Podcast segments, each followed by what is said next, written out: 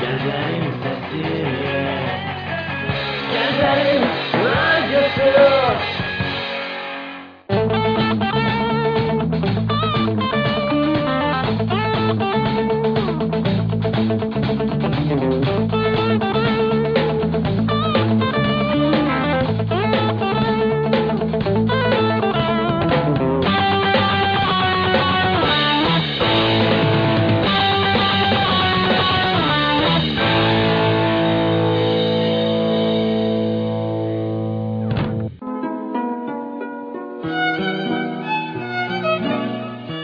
Ramazan ayında Ramazan söhbətləri.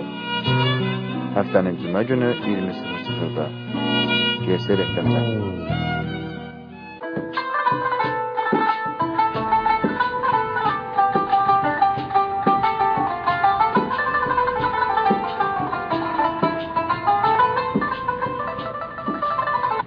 axşamınız xeyirli olsun əziz dinləyicilərimiz. Siz Gənclərin Səsi radiosunda Ramazan söhbətləri verilişini dinləyirsiniz. Ramazan ayı boyunca hər həftənin cümə günü saatlar 20:00-ı göstərəndə biz efirdə oluruq. Təbii ki, fərqli mövzu və qonaqlarımızla. Onda qeyd edim ki, bu cümədə mikrofon qarşısında sizinlə mən olacağam aparıcınız Aydə Səlim. Ramazan ayınız və cüməniz mübarək. Əziz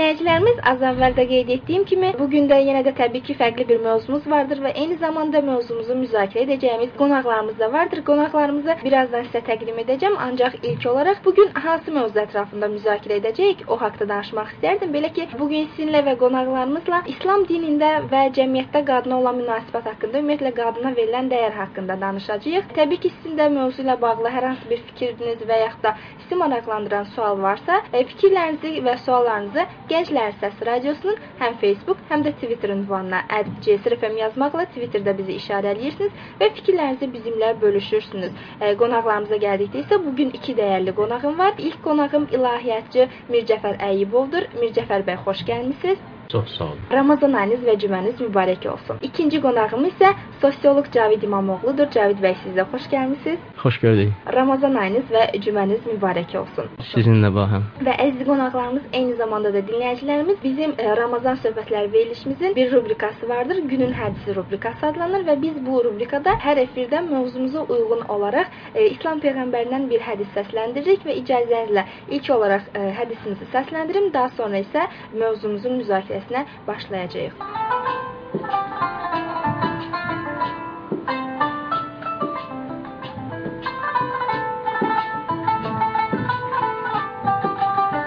İslam peyğəmbəri Həzrəti Məhəmməd buyurur: "Sizin ən xeyirliniz qadınlara xeyirli və yaxşı davranandır."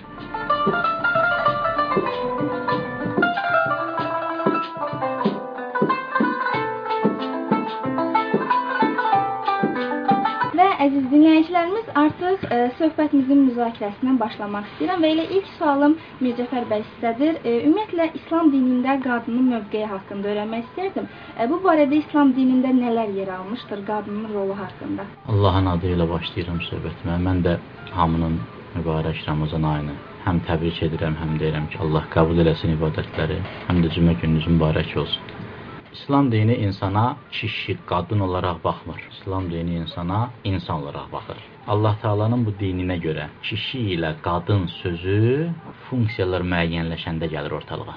Yəni istedadlar, funksiyalar, kişinin kişi olaraq edə biləcəyi, qadının qadın olaraq həyata keçirə biləcəyi məsələlər ortalığa gələndə kişi ilə qadın ayrılır insanın tərkibindən. Bundan əlavə, yəni bu istisna olmaqla heç bir zaman İslamda bu kişidir, bu qadındır ifadəsi işlədilmir. Elə ümumiyyətlə dünyadakı proseslər, hərəkətlər, nə bilim, feminizm deyək, ya başqa ide ideologiyalarda ateizmdə filan da İslama qarşı hücumlar olur. Problemlərə əsas etibarilə əlbəttə qərəzsiz hücumlardan söhbət gedir. Qərəzlilər ki, məlumdur. Qərəzsiz hücumların əsas problemi odur ki, İslamın nə demək istədiyini başa düşmürlər. İslam demir ki, kişi ilə qadının hüququ, hansınsa hüququ olmasın məsələn. İslam deyir, hüquq bərabərliyi deyəndə siz eynilik fikirləşə bilməzsiniz. Heç vaxt qadın futbol komandası ilə kişi futbol komandasını eyni meydançada oynatmaq olmaz bir-birinə qarşı. Deyəsən ki, hüquqları bərabərdir. Və ya başqa sahələrdə həmçinin qadın idmançı idmançı ilə kişi idmançını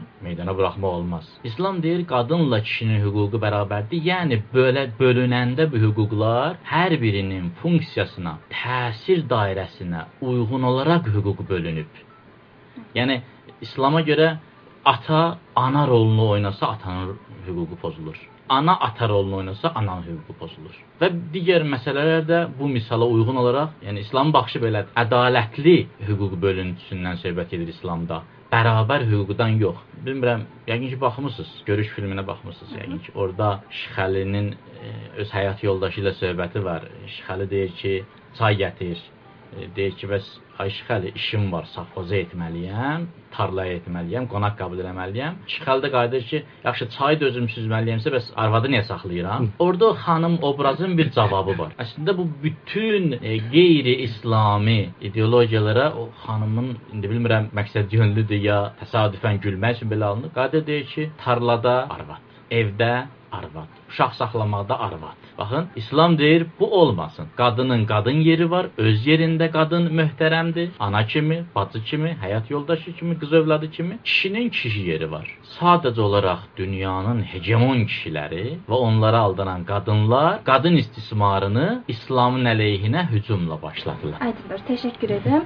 Cəvid bəy, e, Necəvər bəy dini aspektdən yanaşdı və Bəli. İslam dinində qadın mövqeyi haqqında bizlərə məlumatlandırdı. E, mən sizdən sosioloji aspektdə fikirlərinizi öyrənmək istərdim. Cəmiyyət və qadınlar ümumiyyətlə bu iki anlayışı birləşdirən e, amillər nələrdir? Deməli, hazır yaxşı filmdən misal çəkdi. Mən tamaşadan misal çəkəcəm. Bu ac hərflər tamaşasında dərvişlə olan söhbət yəqin hamının yadındadır. Deyir, Rəbbi Sani ayının 15-i sübh əzanına 3 saat qalmış. Hər kim qadınını döyərsə, böyük savab var. Deyir, yox, əgər deyir, döyüb öldürərsə, onda 300 elə bir qu- qulu azad etmiş kimidir. Yəni təsəvvür edin Azərbaycanın reallığı o vaxtdan bu vaxta qədər nə qədər dəyişib. Bu gün Azərbaycanda artıq müasir insanlar, din təbliğatçıları belə deyək, öz düzgün formada İslamı təbliğ edirlər və insanların, o cəmiyyətin qadına qarşı olan münasibəti büsbütün dəyişib. Bu gün Mir Cəfər ağa kimi insanların sayəsində qadına qarşı münasibətdə insanlara peyğəmbər nümunəsi göstərirlər artıq. Yəni peyğəmbər heç vaxt heç bir qadını incitməyib. İmamlar heç vaxt heç bir qadına qarşı qəddar olmayıb. Artıq belə deyək də o şarlatanların, din adına oyun çıxanlar, çıxaranların vaxtı Azərbaycandan çoxdan gedib. Bu artıq Azərbaycan üçün böyük qalibiyyətdir. Bu artıq Azərbaycan üçün böyük nailiyyətdir. Cəmiyyətin fikrinə birbaşa təsir eləyir din. Əgər din pozitiv rol oynayarsa, əgər din insanları insanlığa dəvət eləyərsə, təbii ki, cəmiyyətdə qadın və kişi as olmağından asılı olmayaraq bir harmoniya yaranacaq. Bu gün Azərbaycanda şükürlər olsun artıq zorakılıq faktlarını biz ə, kişilər tərəfindən bir mənalı şəkildə görmürük. Bəli, zorakılıq faktlarının olduğunu da, yəni gizlətmirik, amma artıq qadınların müstəqilliyi, qadınların fərdi ictimai, iqtisadi, siyasi həyatda aktivliyini biz müşahidə edirik və artıq biz üçün yeni problemlər yaranıb. Qadının ailə və iş həyatını balanslaşdıra bilməməsi. Bu günün müasir problemlərindən biri də budur ki, artıq bir vaxtlar ev mühitində zorakılıqdan, döyülməkdən əziyyət çəkən qadın bu gün iş həyatı ilə ev həyatını balanslaşdıra bilmir. İşdən yorğun gəlir, evi çatdıra bilmir. Evdəki problemlərə görə işi çatdıra bilmir. Həm karyera qurmaq istəyir, həm qəşəng ailə istəyir. Və bu problemlər artıq müasir dövrün sosioloji problemləridir ki, həqiqətən də bu məsələlər araşdırılmalı. Belə ailələrə, hansı ki, qadınlar doğrudan həm karyera qurmaq istəyirlər, həm uşaq dünyaya gətirmək istəyirlər, övlad tərbiyə eləmək ist- istəyirlər. Onlara dəstək olunmalıdır, modellər verilməlidir, yollar göstərilməlidir. Təbii ki, burada biz dinin rolunu da qeyd eləməliyik ki, din insanlara, din qadınlara hansı yol göstərir? Məsələn, Fransada, Avropanın bir çox ölkələrində katolik kilsələri bir çox hallarda qadınların işləməyinə icazə vermirlər bir çox məsələn yerlərdə. Amma İslam bu cür deyil. İslam heç də qadına qadağan eləmir. Xəttlər mü müəyyənləşdirib, hüdudlar müəyyənləşdirib və o çərçivədən kənarı çıxmamağı tövsiyə eləyir. Yəni bir mənalı şəkildə sənə bu eləmək qadağandır, olmaz demir. Yəni hər şey ailə daxilində qarşılıqlı razılaşdırma əsasında. Bizim cəmiyyətin bu günləri İslam dininin inanclı olan be- belə deyək də böyük əksəriyyətinin İslam dininə inanması bu artıq biz üçün pozitiv bir belə deyək də müsbət bir tərəfdir ki, İslam dini öz özlüyündə bu kimi məsələlər məsələlərdə çox müsbət, pozitiv rola sahibdir. İslam dini insanların mənəvi və maddi həyatına harmoniya gətirməyə qadirdir. Təbii ki, düzgün təbliğ olunarsa, düzgün ailələrə çatdırılarsa. E, təşəkkür edirəm. Cəvid bəy, siz söhbətinizdə qadına qarşı olan şiddətdən, zorakılıqdan danışdınız. Çox maraqlı nüansa toxundunuz. E, birazdan o söhbətə qayıtmaq istəyirəm, ancaq bir də Mircəfər bəy sizdən soruşmaq istərdim. Ümumiyyətlə İslam dini yaranmamışdan əvvəl və İslam dini yarandıqdan sonra qadına qarşı olan münasibət, qız uşaqlarına olan münasibət, bu iki tarix arasında hansı fərqlər özünü göstərmişdi? Çox kəskin fərqlər. Adətən bunu xarakterizə edəndə belə deyirlər ki, cahil ərəblər qadını diri-diri bastırırdılar, qız uşaqlarını və s. və ilə axır. Bu doğru, öz yerində. Ərəblərin ümumiyyətlə mədəniyyətdən kənarlaşmasına ən böyük dəlillərdən, tarix faktlardan biri budur ki, hətta Makedoniyalı İskəndər Ərəbistanı fəth edib qurtara bilmədi. Axırda ona xəbər göndərdilər ki, sən çıx get burdan. Bizi heç bir qanun birləşdirə bilməz. Amma Peyğəmbər sallallahu birləşdirdi Allahın köməyi ilə.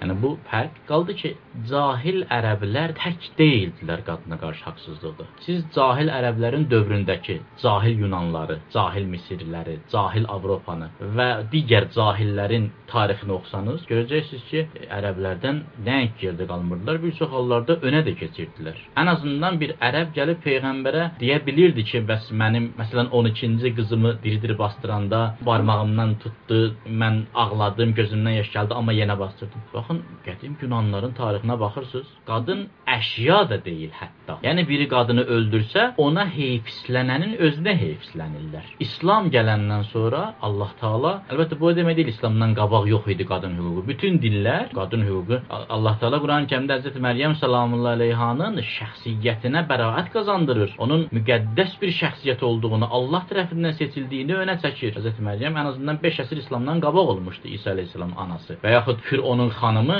Musa əleyhissalam dövründə ya İbrahim əleyhissalamın xanımı kənizi, İbrahim əleyhissalamın kənizi Hacər salamullah əleyhanın hörmətinə hələ də milyonlarla insan gedib Səfa və Mərvə dağ arasında həcc mərasimində addımlamalıdır, yürüməlidir. O xanımın hörmətinə. İslamın xanıma verdiyi hüquqları saymaqla qurtarmaq olmaz. Adətən məsələn çox arvadlığı önə çəkirlər. Halbuki bunlar qafildilər ki, İslam dini gələndən sonra arvadları çoxaltmadı, azaltdı 4 dənə də saxladı. Yəni ərəblərin və o dövrün cahillərinin adət-ənənələrindən, hətta iyrənclərindən biri bu idi ki, atanın ögey xanımı ki var, məsələn, oğula yad olan xanımı. O oğula miras kimi çatırdı. Öz analığını oğul həyat yoldaşı kimi miras kimi götürürdü. Xanımların kişilərlə evlənməsində məhdudiyyət yox idi. Qətiyyən, qətiyyən məhdudiyyət yox idi. Bu təkcə dedim ərəblərdə deyildi. Biz qədim o sivilizasiyaya baxanda görürük ki, hamısında adət belə olub. İslam azaltdı, azaltdı, azaltdı. Baxdı ki, bu kişi maddi və mənəvi baxımdan neçə xanımı təmin edə bilər. O qədər də saxladı. O qədər də saxladı. Bu o demək deyil ki, İslam vadar edir kimsə bunu etməlisən. Və yaxud xanımların idarə olunması barəsində kişilərə verilən hüquqlar. Bəzən bunu biraz belə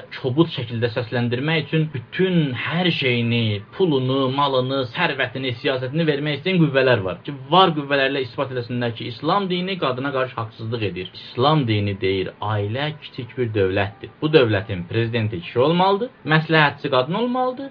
Amma cəza sisteminə nəzarət edən kişi lazım olsa qadına da cəza verməlidir. Necə ki bir ölkə prezidenti, ölkə başçısı lazım gələndə istənilən məmuru cəzalandırır. O məmur qadın da olsa, kişi də olsa fərq etmir. Biz tutmuşuq ancaq İslam qadın, İslam qadın və qadın deyəndə dərhal ağlımıza bu gəlir. Həyat yoldaşı. Bu da çox təəssüfləndirici haldır. İslam alimləri deyir, bu İslama qarşı yürüdülən mənfi siyasətlərdən biridir, mənfur və mənfi siyasətlərdən biridir qardaşım. İslam dinində qadın təkcə həyat yoldaşı yoldaşı deyil. O İslam ki deyir, ərin icazəsi olmadan həyat yoldaşı evdən çıxa bilməz. Həmin İslam deyir, ananın icazəsi olmadan ər evdən çıxa bilməz. Ana da qadındır ya yox. O da bir qadındır. Bacı da, baldız da qadındır ya yox. Qaynana da qadındır ya yox. Yəni bunlar nəzərə alınmır. İslam dininə görə qadın mütləq mənada qadındır. Yalnız həyat yoldaşı yox. İslamın peyğəmbərlərinin ən böyüklərindən Ulləzm peyğəmbərlərdən birinin atası yoxdur, amma anası var. İsa əleyhissalam hansı ki onun milyardlarla bu gün təbəələri var dini baxımdan. Xristian dünyası İsa əleyhissalamın özünə İsa əleyhissalam özünə lider bilir. Həmin İsa əleyhissalam anası Məryəm salamlayın icazəsi olmasaydı, evdən bayıra çıxa bilməzdi. Həmin bizim peyğəmbərimiz, bizim peyğəmbərimiz anası icazə verməsəydi evdən çıxa bilməzdi. Əli əleyhissalam, digər imamlar, digər din böyüklərimiz, peyğəmbərimiz gələndən sonra Həzrət Fatimə salamullah əleyhanın timsalında qadınlığı qaldırdı ən uca zirvəyə. İllər keçmişdi Həzrət Xədicənin vəfatından. Peyğəmbərin xanımının vəfatından.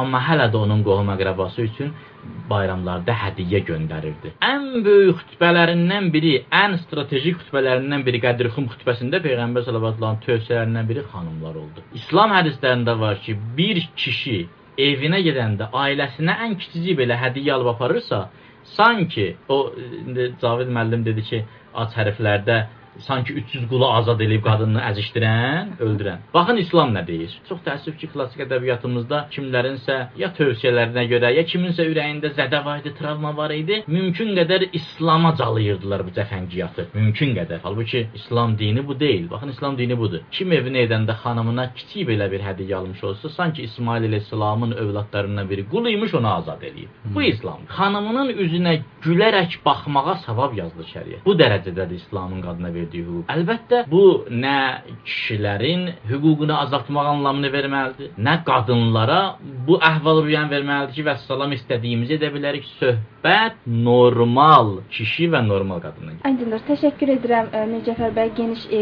izahla e, fikirlərinizi bildirdiyiniz üçün. Elə e, siz söhbətinizdə e, bir növ e, qadınların hüququna da e, toxundunuz. Mən isə Cəvid müəllimdən soruşmaq istərdim ki, e, Cəvid bəy ümumiyyətlə e, cəmiyyətdə qadınların üzərinə düşən vəzifələr hansıdır? Yəni qadın deyəndə Mircəfər bəy vurğuladı ki, e, çox vaxt e, insanların ağlına ancaq e, həyat yoldaşı gəlir. Bəs cəmiyyətdə qadın dedikdə ağla sadəcə olaraq həyat yoldaşı deyil də, yəni başqa nə mənalar gəlməlidir və cəmiyyətdə belə deyək də qadınsız cəmiyyət və qadınlı cəmiyyət. Bu haqqda danışmağınızı istərdim.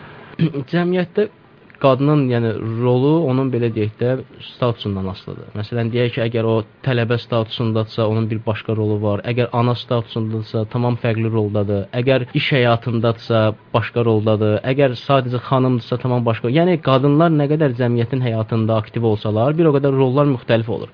Məsələn, siz fikir versəniz, son dövrlər ki, Azərbaycanda ictimai həyatda qadınların iştirakı artdı, artıq yeni rollar yaranmağa başladı. Yəni bir həm ictimai həyatı idarə eləmək, həm də ailəni idarə eləmək. Amma ona qədər Azərbaycanda rollar ə, bu cür idi. Ya ana idi qadın, ya bacı idi, ya övlad idi. İndi müasir dünyamızda artıq Azərbaycanımızda ə, artıq qadınların siyasətdə bir, bir siyasətə gəlişi gözlənilirdi. Məsələn, parlamentdə qadınların sayı çoxalmaq üzrə gedəcək. Bələdiyyə başqanları qadınlar olacaq. İcra hakimiyyətində icra başçıları hələ ki yoxdur düzdür. Gələcəkdə qadınlar olacaq. Yəni qadınların cəmiyyətə inteqrasiyası, siyasi və iqtisadi həyata inteqrasiyası nə qədər artsa, bir o qədər yeni rollar gəlir. Amma yenə burada ən, ən önəmli məsələ nədir? Bu rolların idarə edilməsi, bu rollarda onlara verilən dəstək. Yəni qadınların bir çox hallarda belə deyək, bu rolları düzgün ifa eləmək üçün, düzgün icra eləmək üçün maarifli olmalıdırlar. Maarif pər, onlar maariflənməlidirlər. Yəni məsələn deyək ana övlad övladının belə deyək, qayğısına qalmaq üçün bacarıqlara sahib olmalıdır. Bu bacarıqları dövlət verməlidir. Yəni dövlət deyəndə burada təhsil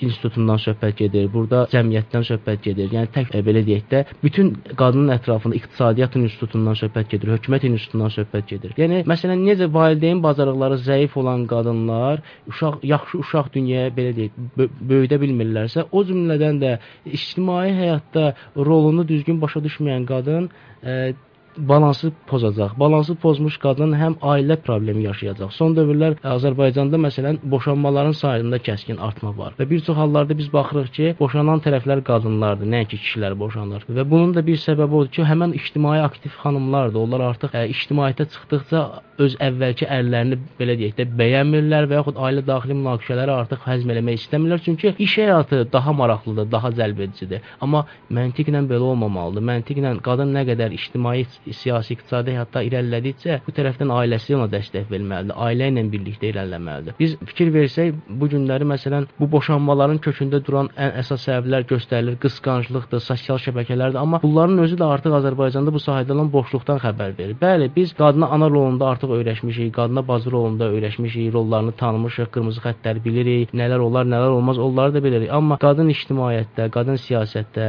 qadın hansısa bir təşkilatın rəhbəri, qadın hansısa bir icra başçısının, icra hakimiyyətinin rəhbəri. Artıq bunları biz e, o yeni cığırlarda da bu, bu burada artıq maariflənmə almalıdır. Burada artıq qadına belə deyək, lazımi bacarıq verilməlidir. Təbii ki, təhsil burada önəmli faktordur. Qadınlar təhsillənməlidirlər. Qadınlar təhsillənərsə təbii ki, öz rollarını düzgün icra edəcəklər. Məsələn, deyək ki, ağıllı qadın iş həyatını, ailə həyatını, iş həyatına qurban verməz, övladını iş həyatına qurban verməz. Məsələn, bir кейs danışım sizə. Deyək ki, bir qadın işində müəyyən irəliləyiş əldə eləyir və həmin ərəfədə də evlənir. Uşaq dünyaya gəlməlidir, ər də istəyir, xanım da istəyir. istəyir. Amma xanımın bir dənə də karyera quruculuğu var. Məsələn, onun üçün yeni bir vəzifə ə, belə deyək də açılıb, hansı ki, orada çalışqan olmalıdır. Amma bir tərəfdən də uşağı hamilə olmalıdır və qarnında gəzdirməlidir. Görürsüz? Artıq qadın qalır dilematik vəziyyətdə və o vəziyyətdə ya uşağı seçməlidir, ya iş həyatını seçməlidir. Bizdə qərarlar belə verilir, amma xaricdə belə verilmir. Xaricdə belə ailələrə psixoloji dəstək göstərilir. Həmin o balansı qorumaq üçün hansı addımlar atmaq lazımdır? Gündəlik ə,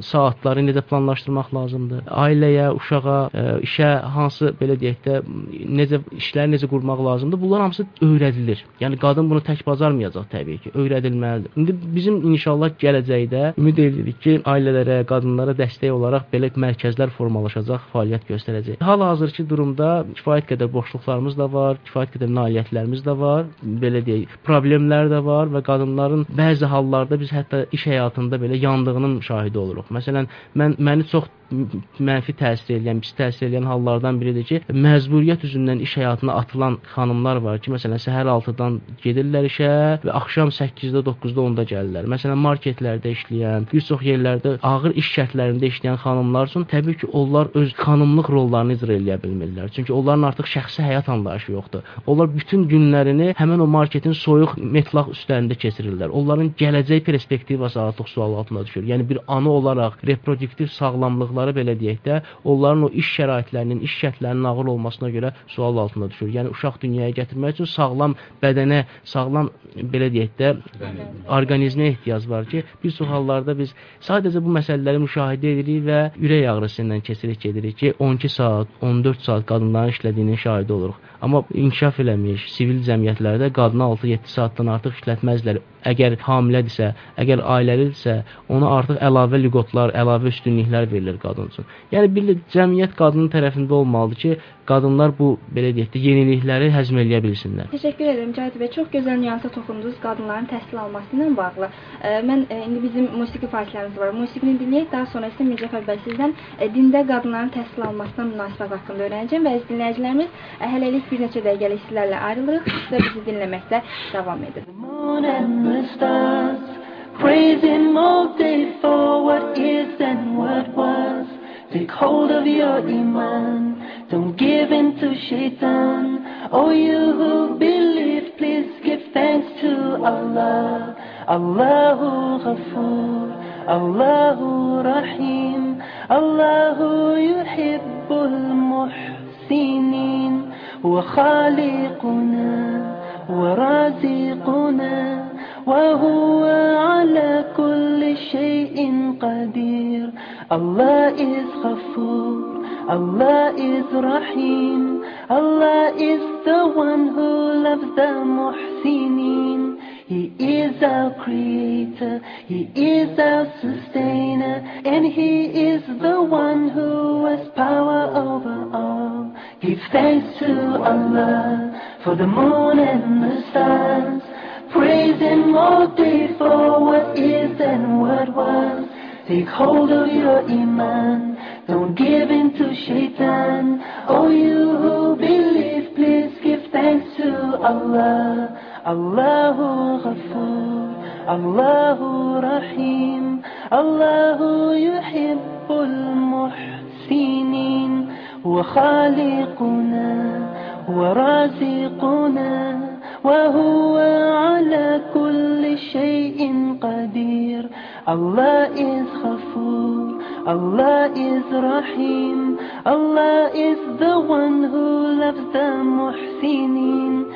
He is our creator, He is our sustainer, and He is the one who has power over all. Give thanks to Allah. Və dinləyicilərimiz bərabərliyimiz qaldığı yerdən davam edir və ə, xatırladım ki, siz Gənclərin Səs radiosunda ə, Ramazan söhbətləri verilişini dinləyirsiniz. Ramazan ayı boyunca hər həftənin cümə günü saatları 20:00 göstərəndə biz efirdə oluruq hər dəfə fərqli mövzu və qonaqlarımızla. Ə, Bu gün isə sizinlə birlikdə və qonaqlarımızla birlikdə təbii ki, İslam dinində və cəmiyyətdə qadının yeri, rolu və ümumiyyətlə qadına verilən dəyər haqqında danışırıq və bizim daimi dinləyicilərimiz bilir ki, ikinci rubrikamız da vardır. İftar menyusu adlanır. Ola bilsin ki, hələ də e, iftar süfrələrini hazırlaya bilməyən e, dinləyicilərimiz vardır və onlar üçün e, tez hazırlanan e, yemək resepti səsləndiririk. Resepti səsləndirək, daha sonra isə söhbətimizə qaldıq yerdən davam edəcəyik. He is our creator, He is our sustainer, and He is the one who has power over all.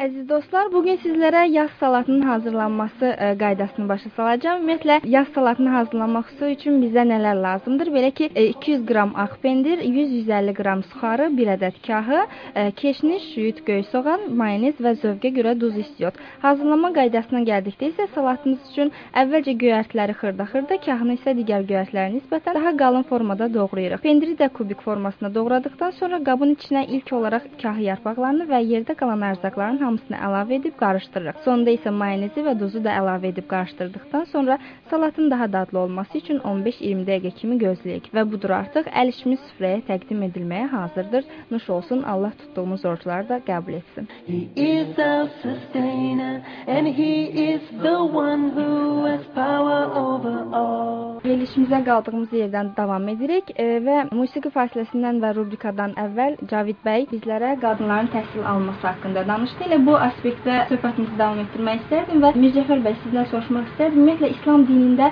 qadınların təhsil alması ilə bağlı hansı fikirlər yer almışdır və İslam peyğəmbərinin bu barədə düşüncələri nələrdir? İslam dinində bayaq dediyim kimi halal sayılacaq və qadın qadınlığına, funksiyasına, o çərçivəyə zədə toxundurmayacaq heç nə qadağan deyil. Təhsil almaq xüsusilə nəinki qadağan deyil, əksinə tövsiyə olunmuşdur, təkid olunmuşdur. Baxın, İslam alimləri günümüzdəki elmi araşdırmalar nisbətən asanlaşıb qədim dövrə nisbətən e, fikir mübadilələri asanlaşıb alimlər arasında yeni-yeni nəzəriyyələr çıxır ortalığa. Əvvəllər məsələn deyilirdi ki, İslami çərçivədə danışımda qadın e, fəqih ola bilər. Yəni ictihad dərəcəsinə çata bilər dini elmi səviyyədə. İndi biraz dini terminlə ayətullah ola bilər bu dərəcədə. Hı. Və olub da e, İslam tarixində qadın ayətullahlar olub və böyük-böyük İslam alimlərlə, kişi alimlərlə elmi mübahisələrə e, yəni varid olublar. İslam tarixində ravi qadınlar olub, peyğəmbərin xanımları ravilər olub, peyğəmbərin qızı, nəvələri, İmam Hüseyn əleyhissalamın qızı Səkinə xanım məşhur ravilərdəndir. İmam Sadiq əleyhissalamın tələbəsi Hüsniyə xanım ravilərdəndir, çox olub. Lakin qadına təqlid eləmək olmaz. Yəni elmi mərkəz kimi müraciət eləmək olmaz. Bu gün İslam alimləri yeni fikirlər səsləndirirlər. Bilirik ki, dünya tarixi getdikcə, irəlilədikcə yeni-yeni fikirlər. Bu yeni fikirlər o demək deyil ki, məsələn, keçmiş fikirlər rədd olsun. Elə keçmiş fikirlərin tərkibində kölgədə qalmış düşüncələr çıxır ortalığa. Məsələn, bu gün İslam alimləri belə bir fikir irəli sürürlər. Xüsusilə qadınlara məxsus fiqhi məsələləri axı kişilər qadınlar qədər peşəkar bilə bilməzlər. Xüsusilə bu məsələlərdə qadın mütəxəssislərin yetişməsi labid. Mən bir misalı dedim. Ümumiyyətlə tibb sahəsində olsun. O bir hadisə baş vermişdi bir qardaş deyirdi ki, mən heç vaxt razı olmaram xanımım təhsil alsın, qızım təhsil alsın.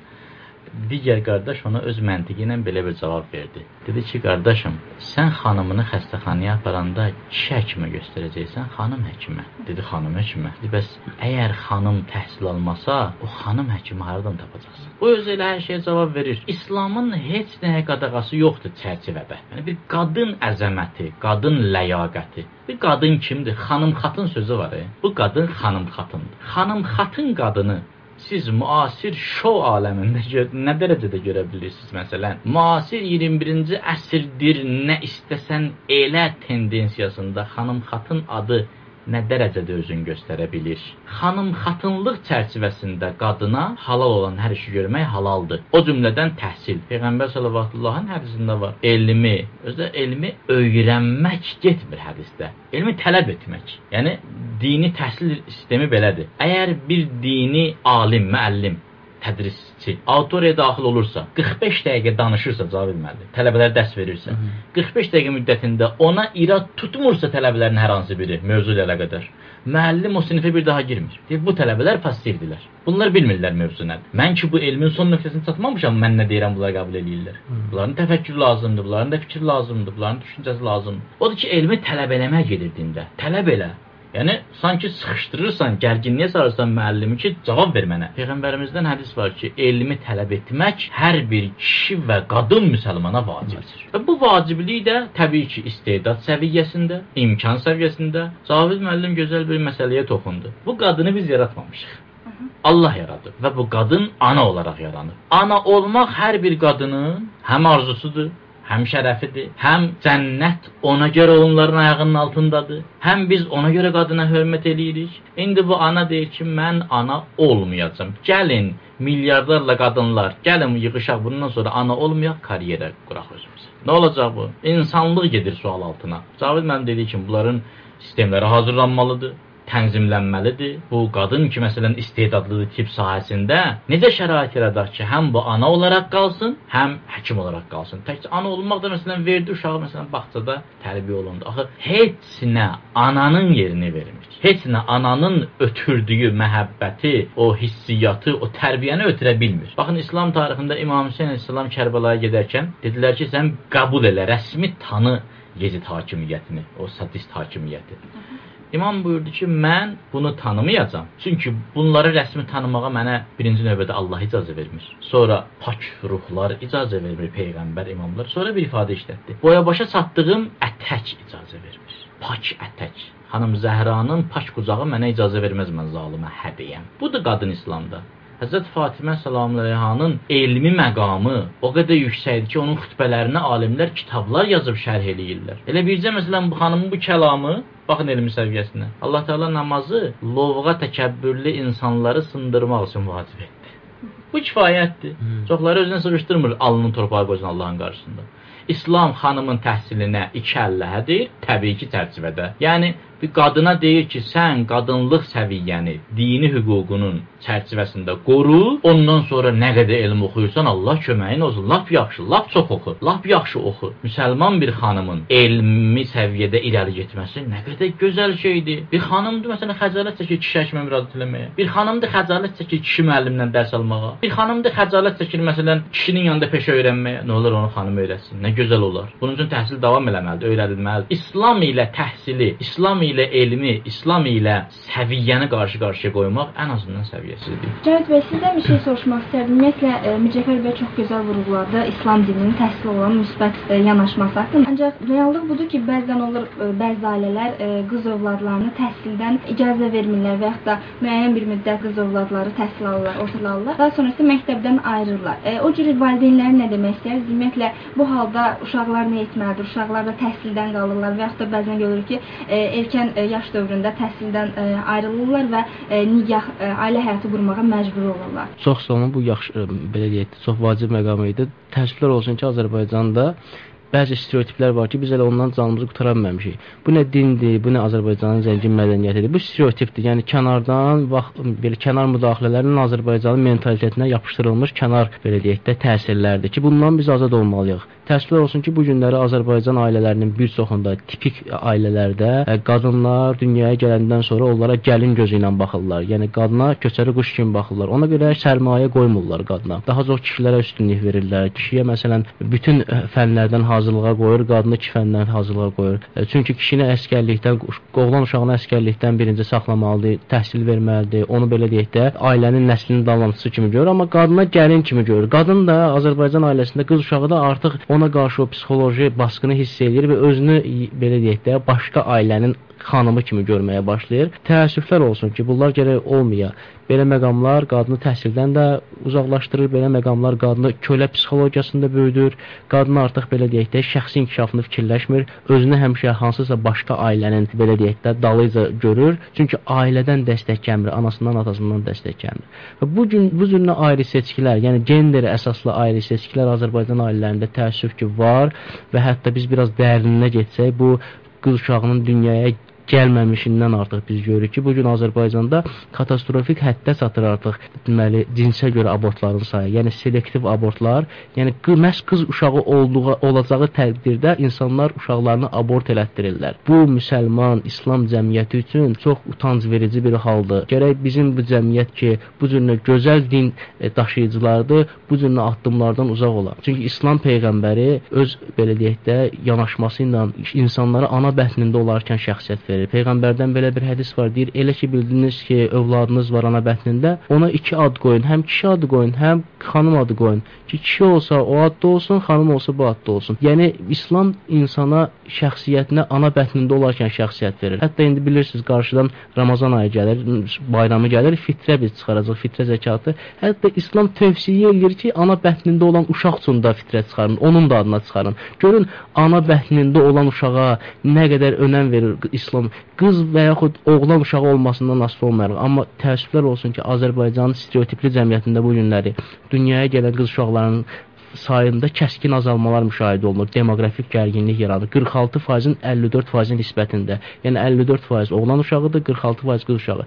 Demək olar ki, ki fərq 10%-ə yaxınlaşır. Bu Azərbaycanın demoqrafik gələcəyini şübhə altına qoyur. Ona görə mən bir mənalı şəkildə belə deyək, bu məsələnin ciddiyyətini nəzərə alaraq deyirəm ki, insanlar heç olmasa bu Ramazan ayında, bu müqəddəs ayda, bu mübarək günlərdə bu cür fikirlərdən daşınsınlar. Mən ümid edirəm ki, Hacının da bu barədə bir neçə kəlmə təsir edici, yəni İslamın sözü xarakterli fikirlər olacaq ki, e, belə deyək də dinləyicilərimiz arasında da insanlar maariflənsin və ətrafdakıları da bu barədə maarifləndirsinlər. Bir şey əlavə eləmək istərdim o. Müsəlmanlar ilk günlərdə təzyiqə məruz qaldılar, Efiopiyaya sürgün olundular, məcburən getdilər 80 neçə nəfərlik bir dəstə ilə. Onlara Cəfər təyyar başçılıq edirdi. Cəfər ibn Əbi, Əbi, Əbi Talib Əli əleyhissalamın qardaşı. Orada e, düşmən tərəfdən də Əmras, sonralar İslama böyük zərbələr vurmuş Əmr As, həmin o Efiopiya şahı kralı ilə dost idi, gəlir onları qaytarmağa orada müzakirə gedir. Orada başlayır ki, bəs biz bunlar deyirlər qadın hüququ olmalıdır, qadınlar öldürülməlidir. Biz qadınlardan istifadə edirik, onları lazım olanda öldürürük, lazım olanda saxlayırıq filan. Cəfər Təyyar bir söz deyir orada Əmrasa və o söz Əmrası susturmağa kifayət idi. Deyir ki, Əmras, ən azından səni doğan anaya hörmət eləməlisən. Hmm, əhsən. Yəni sənin əşya kimi hesab elədiklərindən biri səni dünyaya gətirib. Bu İslam dinində baxın, İslam fikrinə əsasən belə bir yanlış e, fikir yaranıb. Mən bunu elə burdan yaxşı olar ki, auditoriya yəqin ki, böyükdür. Bunu deyim, kiminsə qulağına çatsın. Belə bir yanlış fikir yaranıb, hətta dindarlar arasında. Güya abort eləmək müəyyən müddətə olar, sonrakı müddətlərdə olmaz. İslam fikrində dünyaya gəlməmiş uşağı öldürmək, qətlə yetirmək nütfə bağlanandan 1 saniyə sonra belə olmaz, haramdır qadağan. Bir istisna halı var. O da ananın həyatı təhlükədə olduğu zaman. Hətta uşaq şikəst dünyaya gələcəksə, hətta uşağın ölmə ehtimalı varsa, yenə heç kəsin haqqı yoxdur körpə uşağı öldürsün ana bətnində. Ki təbii ki, İslam dini onun üçün e, cərimələr təyin edib. Bir həftəlik olsa nə qədərdir? 5 həftəlik. Ta gəldi 4 ay müddətində uşağın ki bədəninə ruh daxil olur. Artıq uşağın valideynin ixtiyarı var. O uşağı öldürən şəxs hansı tərəfdirsə, hansı tərəfdirsə, o uşağı öldürən şəxsdən ya qisas alsın, İslam evinə əsasən, ya da 100 dəvənin pulunu alsın. Bir insanın qan bahası. Çünki insan öldürüb. İslamı bu məsələ ilə qətiyyən uyğunlaşdırmaq lazım deyil. Sanki İslam qız uşaqlarına pis baxırmış, sanki qız uşağını öldürmək lazımdır. İslam gələn kimi ilk növbədə buna qarşıdır. Çox təşəkkür edirəm hər birinizə. Çox təəssüf olsun ki, artıq ə, vaxtımız bitir. Son ə, bir dəqiqəmiz qalıb və ə, son olaraq isə bu mövzu ilə bağlı son fikirlərinizi almaq istəyirəm. Ümumiyyətlə dinləyicilərimizə nə demək istəyirsiniz? Qadına verilən dəyər haqqında son olaraq fikirlərinizi Cavit bəy və Mircəfər bəy. belə deyək də, qadın və kişi olma, olmağından asılı olmayaraq bir-birimizə hörmət etməliyik, dəstək olmalıyıq və təbii ki, Azərbaycan qadını hörmətə və sevgiyə layiqdir və biz onu göstərməliyik. Ramazan ayı münasibətilə mən də bütün xanımlarımızı təbrik edirəm. Yəni nə yaxşı ki, mənəvi və maddi harmoniya ayıdır bu ay. Yəni bu Ramazan ayı bir növ insanın mənəvi təlim ayıdır. Yəni biz bu ayda gözəl təlimatlar görürük. Bu ayın o qədər çoxlu aktivitetləri var, yəni biz üçün nəzərdə tutulmuş. İstifadə eləsinlər və belə deyək də şəxsiyyətlərini inkişaf elətdirsinlər. Maariflənmə olmadan bu məsələlərin heç biri həll olunmayacaq. Bu birinci sözüm. İkinci sözüm budur ki, çox xahiş edirəm kim səsimi eşidirsə, əl çəkmək lazımdır İslam ilə xurafatı, cəfəngiyatı qoşulaşdırmaqda. İslam elm dinidir. Hətta elm yüksəyə qalxdıqca yavaş-yavaş İslama çatmaq istəyir. Bunu nəzərə almaq lazımdır. Allah ibadətlərinizi qəbul etsin. E, çox təşəkkür edirəm hər birinizə, həm Cavit bəy, həm də Mircəfər bəy e, dəvətimizi qəbul etdiyiniz üçün və çox üzr istəyirəm mən dinləyicilərimizdən, bizim dinləyicilərimizin e, sualları vardı. Vaxtımız təəssüflər olsun ki, çatmadı deyə mən onları səsləndirə bilmədim. Buna görə onlardan üzr istəyirəm və əziz dostlar, sizlərlə də e, ayrılıram. Gələn həftəyə qədər də yenidən e, Ramazanın 4-cü cüməsində qismət olarsa, e, Gənclərin Səsi radiosunda yenidən sizinlə mən olacağam. Aparıcınız Ayda Səlim. Növbəti cüməyədək özünüzə yaxşı baxın və bizi dinləməkdə davam edin.